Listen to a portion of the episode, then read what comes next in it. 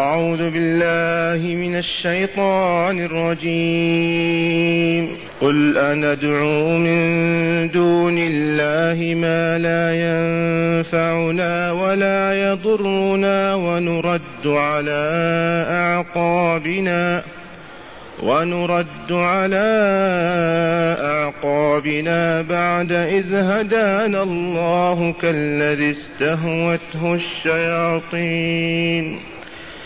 كالذي استهوته الشياطين في الأرض حيران له أصحاب يدعونه إلى الهدى ائتنا. قل إن هدى الله هو الهدى وأمرنا لنسلم لرب العالمين. وأن أقيموا الصلاة واتقوه وهو الذي إليه تحشرون. وهو الذي خلق السماوات والأرض بالحق.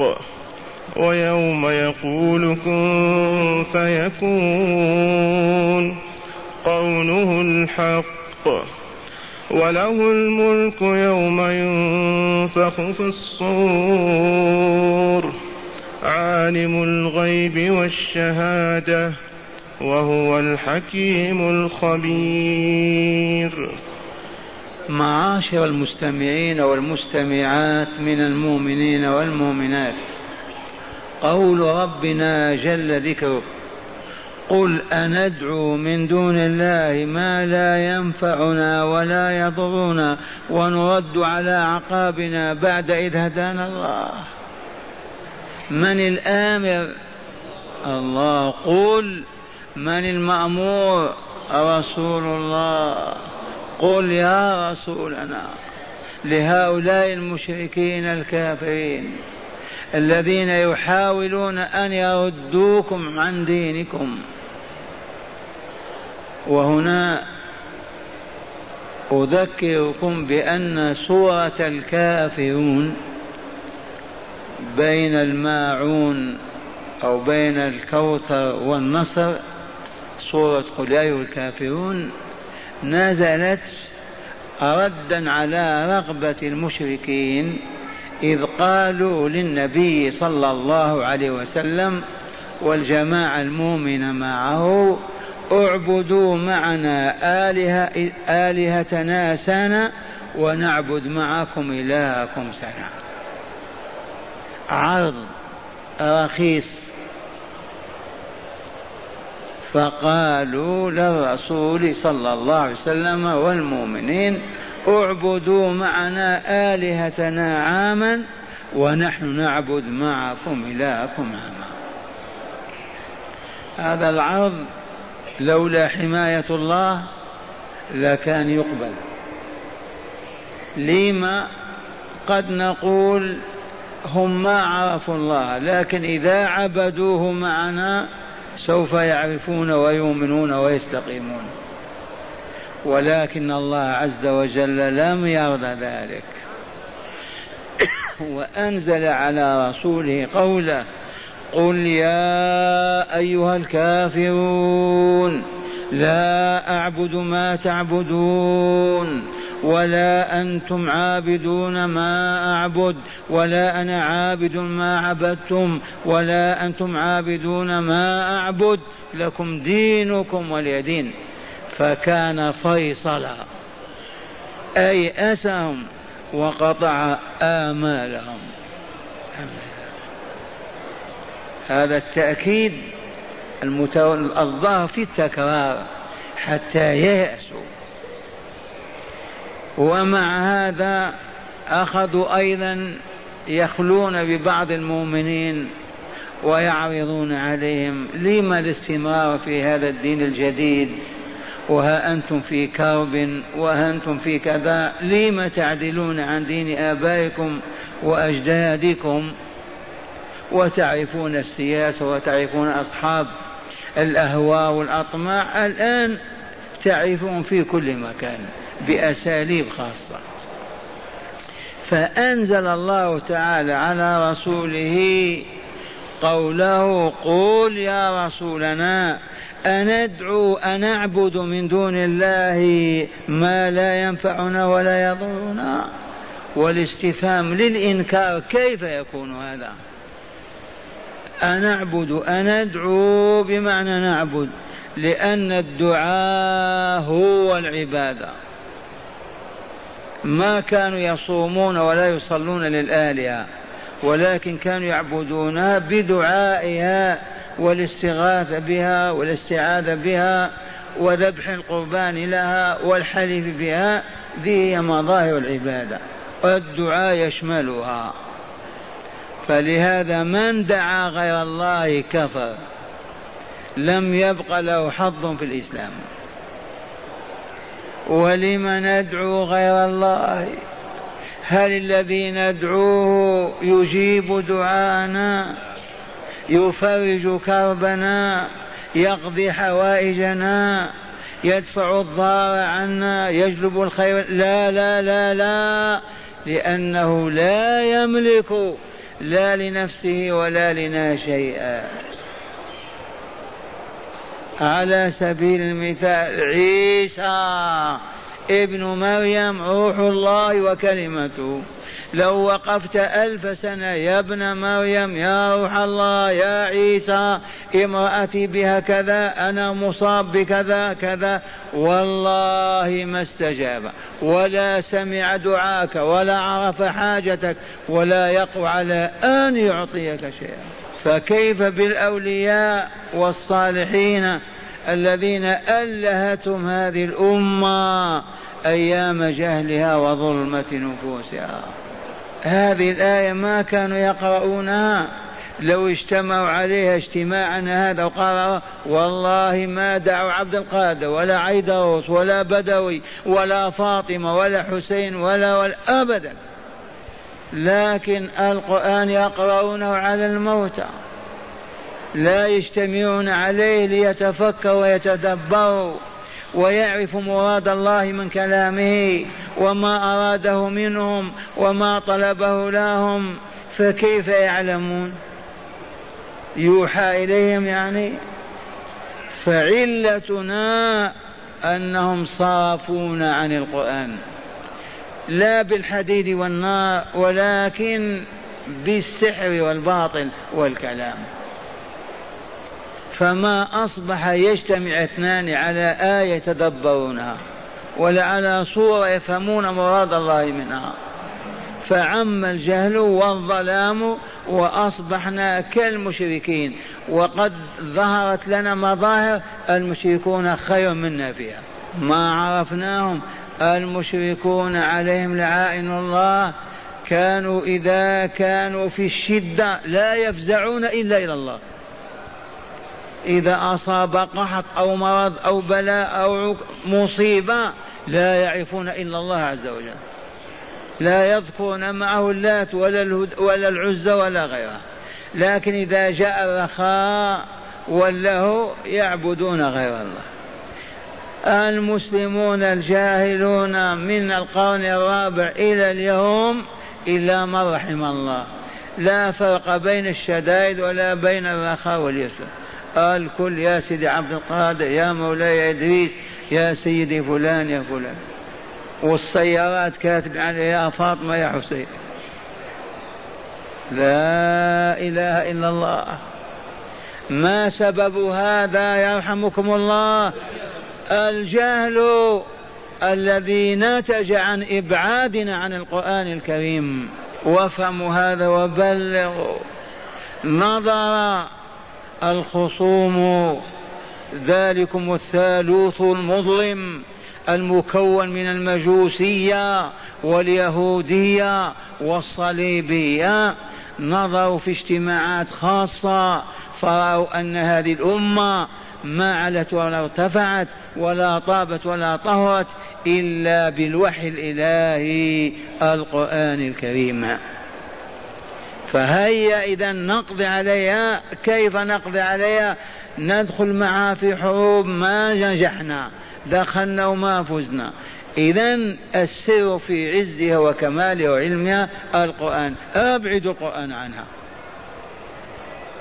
هل يستطيعون أن ينتزعوا من صدور المؤمنين والمؤمنات؟ ما استطاعوا. هل يستطيعون أن يأخذوا كل مصحف في الأرض؟ ما يمكنهم. إذا الطريقة الوحيدة أن نبعدهم عن تدبره وتفهمه. ومن هنا نحوله إلى الموتى. إذا مات السيد أو ماتت السيدة يجتمعون عليهما ويقرؤون القرآن. قرابة ألف سنة هو هذا الوضع هذا. فمن ثم شاع فينا الضلال والباطل وانتشر الكفر والشرك. والحمد لله أن ردنا الله. قل أندعو من دون الله ما لا ينفعنا ولا يضرنا ونرد على عقابنا بعد إذ هدانا الله. بعدما مشينا في طريق السعادة والكمال والطهر والصفاء نرجع إلى الوراء. كيف يتم هذا؟ كيف نقبل هذا؟ كيف نطالب به؟ فلهذا من عرف الله منكم والله الذي لا إله غيره لو يملك على الأرض كلها على أن يكفر ما كفر. عرفتم؟ الملك ما هو معقول؟ والله لو تعرض عليه خزائن بريطانيا المالية على أن يكفر والله ما قبل. والذين ما عرفوا وانتسبوا إلى الإسلام بالنسبة وظيفة فقط مستعد يتخلى عن الإسلام. وظيفة فقط رخيصة أيضا. ولا لوم ما عرف الله حتى يحبه ويخشاه. سمعتم هذا الإنكار؟ قل يا رسولنا لهؤلاء الذين يعرضون الرد عنك وعن إخوانك أن رد على عقابنا بعد إذ هدانا الله فنصبح كالذي استهوته الشياطين في الأرض حيرانا. يصبح حالنا حال من تاه في الصحراء. زينت له شياطين الإنس والجن أطماع وأغراض هناك وتاه في صحارى لا يعرف الطريق ولا إلينا يذهب ولا كيف يعود. هذا مثل من خرج من دين الله الحق الإسلام وتدين بدين الباطل. سواء كان مسيحية أو يهودية أو مجوسية أو غيرها. كالذي استهوته استمالته الشياطين بالوساوس والتزيين والتحسين في صحراء فتاة. وله أصحاب يدعونه إلى الهدى ائتنا يا فلان هنا الطريق. ما يسمع ولا يقوى على أن يجيبهم ولا يعرف كيف يجيبهم حتى هلك كذلك. أتريدون أن نصبح نحن هكذا؟ قال لا. أن نرد على أعقابنا إلى الكفر بعد الإيمان إلى الشرك بعد التوحيد إلى الطهر بعد الخبث. فنصبح تصبح حالنا كحال الرجل الذي استهوته الشياطين استهوته استمالته بهواها وهواه وغررت به ورمت به في صحارى وله أصحاب يدعونه أن تعال الطريق هنا أنت أخطأت. ما له أصحاب يدعونه إلى الهدى أتنا. ثم قال تعالى لرسوله صلى الله عليه وسلم قل يا رسولنا ماذا؟ قل إن الهدى هدى الله. قل إن الهدى هدى الله. ما هدى الله ما تعرفون؟ والله إنه للإسلام لا الصليبية ولا المجوسية ولا أية ملة. الهدى الموصل إلى رضوان الله ثم النزول بدار السلام والمحقق للسعادة والكمال في الدنيا قبل الآخرة. إنه دين الله الذي هو الإسلام. أما قال تعالى قل إن الهدى هدى الله وقال إن الدين عند الله الإسلام ومن يبتغي يطلب غير الإسلام دينا فلن يقبل منه وهو في الآخرة من الخاسرين. قل يا رسولنا والمبلغ عنا إن هدى الله هو الهدى لا غيره. أما ما تزينه الشياطين من الشرك والباطل والخلاعة والدعارة والفسق والفجور لن يكون هذا دينا لله أبدا. ولن يسعد صاحبه بحال من الأحوال. وقال له قل أيضا وأمرنا أن أسلم لرب العالمين وأمرنا لنسلم قلوبنا ووجوهنا لرب العالمين. هذا يحق أن تسلم له القلوب والوجوه وإلا لا لما؟ لأنه خالق العالمين ومدبر حياتهم ووجودهم. كلمة رب العالمين مالك العالمين. المدبر أمامهم المتصرف فيهم. هذا الذي نسلم له قلبي ووجهي ولا لا.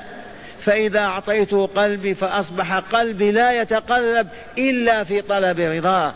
وأسلمت وجهي فلا أقبل على أحد إلا عليه. هذا الذي ينفعني إن أسلمت له قلبي ووجهي أما الذي لا يملك شيئا حتى عيسى عليه السلام قال تعالى في عيسى ووالدته البتول مريم عليهم السلام.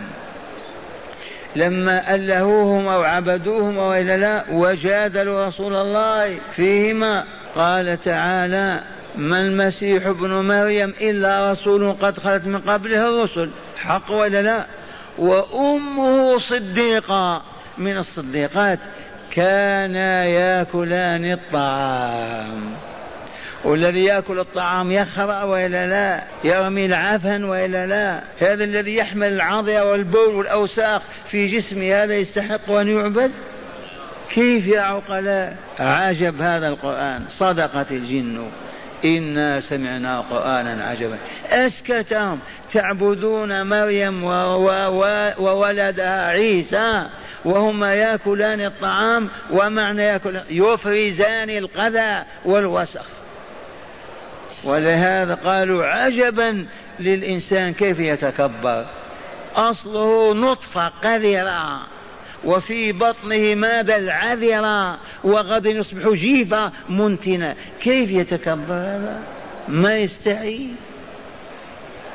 أنت أصلك من ذهب وإلا من نحاس أو حديد. أليست نطفة منتنة قذرة؟ أليس كذلك؟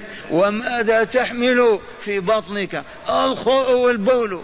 أعوذ بالله. ونهايتك كيف هي؟ جيفة منتنة ولا لا؟ ما تشم رائحتها ولا يجلس إليها. أمثل هذا يتكبر. ولا يعبد الله عز وجل. وأمرنا من الذي أمرنا؟ الله جل جلاله ربنا لنسلم لرب العالمين. نسلمه ماذا؟ أمانات عندنا وإلا؟ قلوبنا ووجوهنا.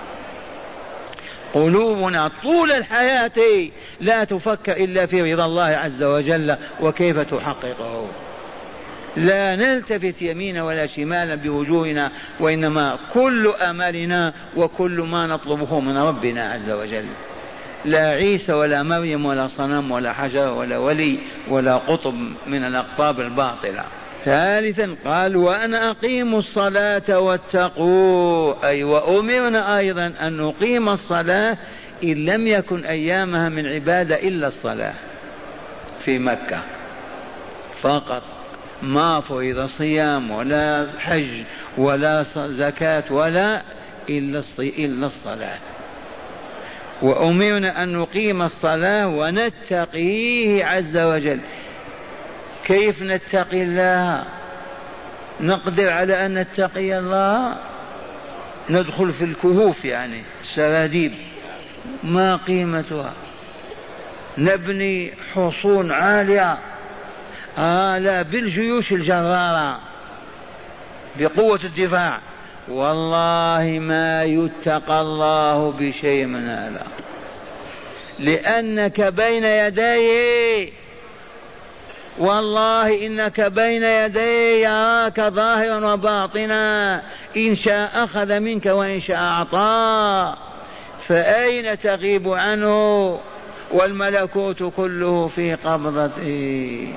إذا لا يتقى الله إلا بالإيمان به وطاعته وطاعة رسوله. كيف يتقى غضب الله وجبروته وسلطانه وقدرته على الإشقاء والتعذيب؟ يتقى هذا بماذا؟ آمن واستقم. أنت وليه. لا يغضب عليك ولا يسخط أبدا وأنت من أحب أحبائي إليك. فقط بتقواه بطاعته وطاعة رسوله. ما فلسفة هذه؟ يا أهل الحلقة أيها الربانيون كيف هذا؟ قولوا لأن طاعة الله وطاعة رسوله عبارة عن أدوات تزكية النفس. الركعتان تصليما ينتج عنهما نور يملأ قلبك. تركك معصية له بترك واجب أو فعل محرم. يحفظ ذلك النور في نفسك. فلا تزال تعبده تزكي نفسك وتبعد معصيته عنك فتحتفي بتلك الزكاة حتى تصبح روحك كأرواح الملائكة في طهرها وصفايا ومن ثم يحبك الله عز وجل. عرفتم سر هذه الطاعة ما هي؟ دعنا عما تنتجه من الإخاء والمودة والعزة والطهارة والصفا في هذه الحياة. هذا شيء إضافي ما هو مقصود؟ المقصود أن الطاعة تنتج طهارة الروح البشرية. فإذا طهرت النفس وزكت وأصبحت كأرواح أهل الملكوت الأعلى رضي الله عنها وقبلها وأنزلها بجواره في الملكوت الأعلى. تذكرون قسم الله التي الذي أقسمه ولا لا؟ قد أفلح من زكاها وقد خاب من دساها هذا حكم الله ولا لا؟ هل هذا يحتاج إلى شرح بيان أفلح من زكى نفسه وخاب وخسر من دس نفسه. السؤال بما نزكي نفوسنا يا شيخ؟ ما هي أدوات التزكية؟ توجد في الصيدليات مواد التنظيف تزكو النفس البشرية بما شرع خالقها لها من هذه العبادات من كلمة لا إله إلا الله إلى إماطة الأذى من طريق المؤمنين. هذه العبادات كلها مشروعة أساسا لتزكية النفس. على شرطين أن تخلصها لله لا تلتفت إلى غيره وأن تفعلها كما بينها رسوله. قال وأن أقيموا الصلاة واتقوه وهو الذي إليه تحشرون. إلى من نحشى ونجمع ونساق كالغنم إلى عزرائيل إلى إسرائيل إلى من؟ والله ما هو إلا إلى الله. وإليه لا إلى غيره تحشرون. لم تحشرون الملائكة بعد أن نقوم من قبورنا؟ تحشرنا للحساب والعقاب. للحساب والجزاء. فلو كنا نحشر إلى غير الله ما نعبده ما نحن بخائفين لأنه لا سلطان له علينا. كذا ولا لا؟ لكن ما دام حشرنا وجمعنا إليه لا إلى غيره ثم يصدر حكمه علينا إما بالسعادة وإما بالشقاء. هذا الذي يجب أن نعبده وإلا لا أو نعبد من لا يملك قطميرا ولا فتيلا. ثم قال تعالى وهو الذي خلق السماوات والأرض بالحق. هو معه آخر ليلين ستالين سحرة اليهود. ماذا؟ هو. ومن عنده آخر يرفع يده في العالم ويقول جدي هو الذي أوجد هذا الكوكب مع الله. في من يقول؟ ولا حصى أوجدها في الأرض. هو. الذي خلق السماوات والأرض بالحق لا باللهو واللعب الباطل لما خلق السماوات والأرض؟ يا أهل العلم يا بصراء الكتاب من أجل أن يعبد فيها. خلق السماوات والأرض وخلق المواد اللازمة من الضوء والحرارة والماء والطعام والشراب. وخلق هذا الآدم وأهبطه من أجل أن يسمع ذكره ويرى شكره.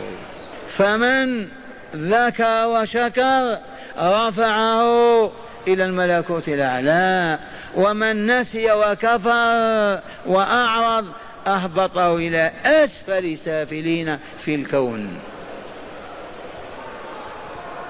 واقرأوا وما خلقت الجن والإنس إلا ليعبدون.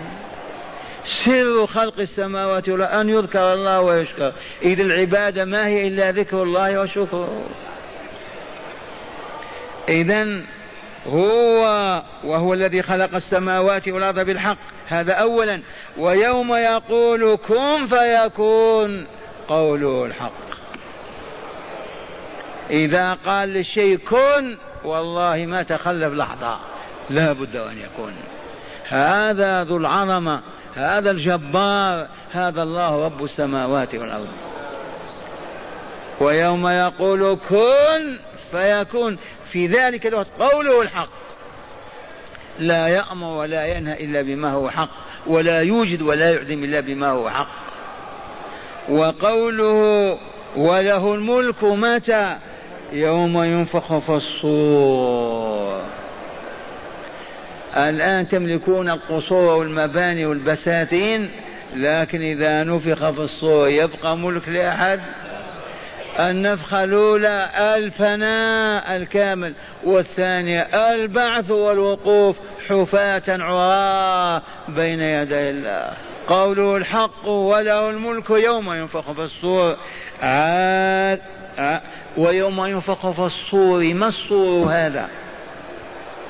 الصور في لسان العرب هو البوق هو عبارة في الزمن الأول أنه قرن غزال أو وعل كبير يحفر ويفتح ويتكلمون فيه يرفعون به أصواتهم. ما عندهم آلات تكبر الصوت. وإلى عهد قريب يجعلونه حديدا يصيحون بها. أليس كذلك؟ هذا هو الصور. من ينفخ في الصور؟ إسرافيل. له ثلاث نفخات. النفخة الأولى للفناء. فيتحلل كل شيء ويتبخر وتعود العوالم كلها إلى سديم. السماوات والأرضون. النفخة الثانية للقيام من القبور. الثالثة نفخة الصعق وهي لما تقف البشرية على سطح الأرض التي وجدت للوقوف عليها وهم كذلك تأتي نفخة فينفخ إسرافيل فيصعق من في السماوات والأرض. إلا ما شاء الله. ثم ينفخ النفخة الرابعة فإذا هم قيام ينظرون. وجاء ربك والملك صفا صفا وأشرقت الأرض بنور ربها ووضع الكتاب وجيء بالنبيين والشهداء وقضي بينهم بالحق وهم لا يظلمون. ووفيت كل نفس ما عملت وهو أعلم ما يفعلون. وسيق الذين كفروا إلى جهنم وسيق الذين اتقوا إلى الجنة. آخر سورة الزمر. إذا قال عالم الغيب والشهادة. أولياء الله يعلمون الغيب والشهادة. قد يعلمون ما يرونه ولا يعلمون ما غاب عنهم يعرفون الجهر بالكلام والسر ما يسمعون ولا يعلمون. لكن الله عز وجل عالم الغيب وهو ما غاب. وعالم الشهادة وهو ما حضر وشهد وهذه الصفة لن تكون إلى الله عز وجل. لا للات ولا العزى ولا عبد القادر ولا أي كائن لا عيسى ولا أمه ولا هارون ولا موسى. هذا الذي يستحق أن يعبد لأنه يعلم ما شاهدناه وما لم نشاهده يعلم ما حضر وما غاب. هذا الذي يجب أن يعبد وإلا لا بحبه والخوف منه والتملق إليه والتزلف حتى بتعفي الرأس في التراب. هذا هو الله رب العالمين وهو الحكيم الخبير. صفتان عظيمتان أخريان. يعني الحكيم الذي يضع كل شيء في موضعه. مستحيل أن يقع شيء في غير موضعه. من كل الكائنات من كل الأحكام من كل القضايا والنوازل. هذا الحكيم. هذا الذي يستحق أن يؤله ويعبد وإلا لا. هذا الذي يتقرب إليه ويتزلف وإلا لا. الخبير بخفايا الأمور وبواطن وظواهرها. على ما هي عليه وعلى ما تكون وعلى ما كانت قبل أن تكون. هذا هو الله عز وجل. كيف نعبد غيره إذا اسمعوا الآيات مرة ثانية. قال تعالى قل أندعو من دون الله ما لا ينفعنا ولا يضرنا؟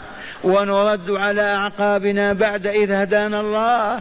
كالذي استهوته الشياطين في الأرض حيران. له أصحاب يدعونه إلى الهدى. ائتنا قل إن هدى الله هو الهدى وأمرنا لنسلم لرب العالمين وأن أقيموا الصلاة واتقوه وهو الذي إليه تحشرون وهو الذي خلق السماوات والأرض بالحق ويوم يقول كن فيكون قوله الحق وله الملك يوم ينفخ في الصور عالم الغيب والشهادة وهو الحكيم الخبير.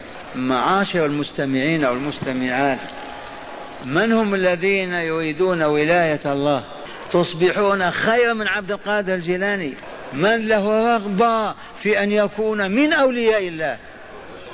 كلنا تلك رغبتنا. وهل هناك طريق يصل بنا إلى هذه الحقيقة؟ إي والله. شاق ومتعب وصعب. لا لا لا, لا. الخطوة الأولى هو أن تفهم أن ولاية الله تتم بموافقته فيما يحب ويكره. وافقه أنت وليه. عاكس أنت عدوه. والله العظيم. يا شيخ أريد أن أصبح ولي الله أحبب ما يحب وأكره ما يكره. أنت وليه. وهل يسمح العدو بأن نحب ما يحب الله ونكره ما يكره الله؟ ما يسمح لكن جاهد. جاهد. نفسك ودنياك وهواك والشيطان الملازم لك. عرفنا إذا ولاية الله تتحقق بما بحب ما يحب وكره ما يكره. هنا يجب على كل من أراد ولاية الله أن يعرف محابه محبوبا بعد محبوب. من أجل أن يحبه الذي ما يعرف كيف يحبه ويجب أن يعرف مكارهه مكروها بعد مكروه حتى يكرهه. أما جاهل لا يعرف محبوب ولا مكروه يصبح ولي الله. والله لن يكون لله وليا. فلهذا قالوا ماذا قالوا؟ ما اتخذ الله وليا جاهلا إلا علمه. بمعنى إذا أرادك الله أن تكون وليه والله لا يعلمك. إذ بدون أن تعلم محابة ومكاره وكيف تفعل المحبوب كيف تصبح وليه نفسك خبيثة مظلمة. فلا بد وأن يعلمك. المسفسطون والضلال والأقطاب يقول فلان شيخ ما يقرأ ولا يكتب ولكنه عالم رباني ما اتخذ الله وليا إلا وقد علمه. تبهتم؟ فيفهمون العوام أن الشيخ وهو أمي. هذا يعرف كل شيء لأن الله علمه. ما اتخذ الله وليا جاهلا إلا علمه. وهي والله كذبة منتنة عفنة الذي ما يطلب العلم ولا يقع أبواب العلماء ولا يزاحم بركبتيه ولا يقع أبوابهم ويسأل عن محاب الله ومكاره. والله ما تعلم. أما قال أبو القاسم فداه أبي وأمي إنما العلم بالتعلم لا بالكرامات والإيحاءات. فلا بد لمن أراد ولاية الله وتحقيقها أن يعرف محاب الله ويأتيها ويعرف مكاره الله ويبتعد عنها. ومن هنا رغبة للأبناء والمستمعين والمستمعات جمعنا بحمد الله لهم محاب الله ومكارهه. في رسالة. بالأمس قرأنا ثلاثة محاب. ما هي؟ الصلاة لوقتها بر الوالدين الجهاد في سبيل الله. كم محبوب هذا؟ ثلاثة.